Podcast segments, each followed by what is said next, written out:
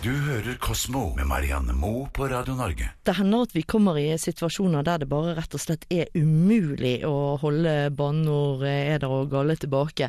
Men visste du at måten du banner på faktisk kan avsløre alderen din? Hanne Jacobsen fra forskningen og språkforskere de ser et skifte i bruken av banneord. Hva er det egentlig som er i ferd med å skje? Så det er et helt tydelig skifte der ungdommen har en helt annen type banneord enn de litt eldre. Eh, og spesifikt på hvor banneordene kommer fra. Eh, ungdom har en tendens til å banne om ting om kroppen. Sånn at eh, dritt og møkk og, og, de liksom sterkere versjonene av de ordene der. Mens eldre har mer den der religiøse arven med seg. Så der er det fort fader og helvete og faen og sånne religiøse ord, da. Hvordan går det egentlig når disse generasjonene møtes? Påvirker vi hverandre? Ja, de gjør det, og på en litt sånn festlig måte. For det virker som at alle banner mer sammen med ungdom.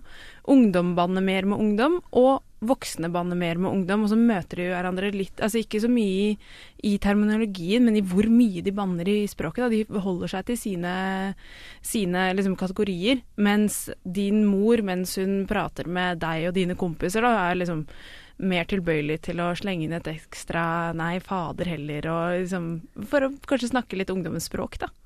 Nå tenkte jeg vi skulle teste ut om eh, forskernes teorier holder i praksis her. For jeg har hentet inn to kollegaer, og ungdommen er representert med Isak Trekrem.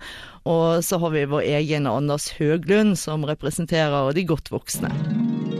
Dere står på hytten og spikrer eh, inn en flanke. Og der treffer han tommelen din. Hvordan høres det ut da, Isak? Faen Og hos deg, Anders? Faen!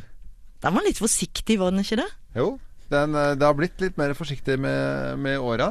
Og så hadde vi jo ikke så veldig mange ord da jeg var liten, og litt mer Altså Det er jo ikke hemninger heller. Man er jo hemningsløs i en sånn situasjon. Men det er klart det er på en måte grenser for hvor mye det hjelper. Men du er jo da helt i tråd med forskningen, Isak, fordi at du fikk inn fittejævel. Ja.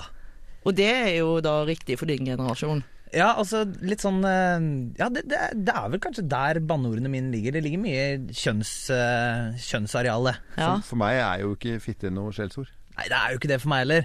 Men det var enten, enten så måtte jeg sette ord på det, eller så hadde det bare blitt et stort skrik. Ja, men Det vil si at jeg banner på en måte litt sakligere enn deg? Ja, kanskje. Ja, Det kan i hvert fall se ut som at uh, forskerne her har truffet spikeren på hodet, Hanne. For disse to her de er i hvert fall helt i, i tråd med det forskerne sier er sånn man banner. Absolutt, både på mengde og på type ord man bruker. Og så det jo, er det også typisk det at ungdommen bruker mer engelske banneord. Det er jo sånn tydelig som kommer fra film og TV.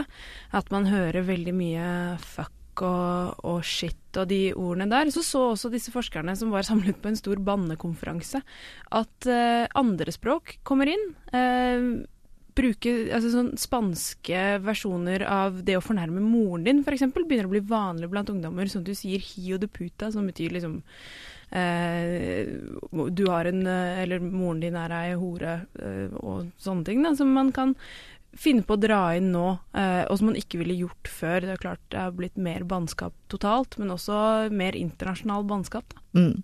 Men du sier også at ungdommen er litt sånn sentral her, at eh, jo, jo, mer man er med ungdommer, jo mer banner man også som voksen, noe man ikke ville gjort hvis man bare hadde sånn voksen-voksen-kontakt. da. Tydeligvis. Altså det virker som at folk uh, tilpasser seg de altså Det gjør man jo alltid når man prater med noen, at man uh, reflekterer den personen man prater med. Og da tenker man kanskje at da er vi litt mer på bølgelengde hvis jeg legger inn et mm. annet ekstra banneord. Men de er altså ikke inn i, i kroppsfunksjoner allikevel, da, de voksne. De holder seg til mer tradisjonelle søren og, og sterkere versjoner av det. Men er det sånn at uh, unge generelt banner mer enn det voksne og eldre gjør? Nei, det ser ikke sånn ut. Altså, de har telt antall banneord òg i sånne testsamtaler, og de er omtrent på, på det like, og så blir det påvirka litt når generasjonene møter hverandre. Eh, så man drar hverandre litt opp, eh, på en måte. Men uh, over det jevne så er det like mange banneord i en setning, uh, om du er middelaldrende eller tenåring, da. Nå er jo de fleste av oss oppdratt til at banning det er stygt, i hvert fall i min generasjon. Handler det også litt om hvor man er plassert på den sosiale rangstigen, eller er jeg fordomsfull hvis jeg antar at det er mer banning i lavere sosiale lag? Altså, de har i hvert fall sett en del eh, indikasjoner på at det er sånn. eh, særlig av typen spanske, spanske og engelske banneord, altså motherfucker og sånne ting, som har vært tilknyttet lavere lag. Har de også funnet igjen i Skandinavia og de baltiske landene at, skje, altså at brukes litt oftere i lave sosioøkonomiske klasser. Så det er nok noe i det hvor sterkt det er. Det sier de ikke så veldig mye om, da. Det er ikke så godt kartlagt ennå, kanskje. Du lytter til natur- og vitenskapsmagasinet Kosmo her på Radio Norge.